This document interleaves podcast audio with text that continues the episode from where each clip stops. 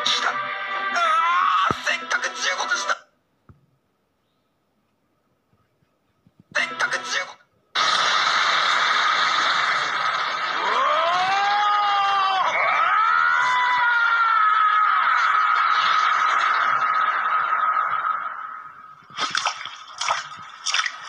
Pak Presiden ngomong di TV saya lihat bolak-balik ngomong seolah-olah jangan cari pembenaran juga gitu loh pemerintah ini. Ini loh yang udah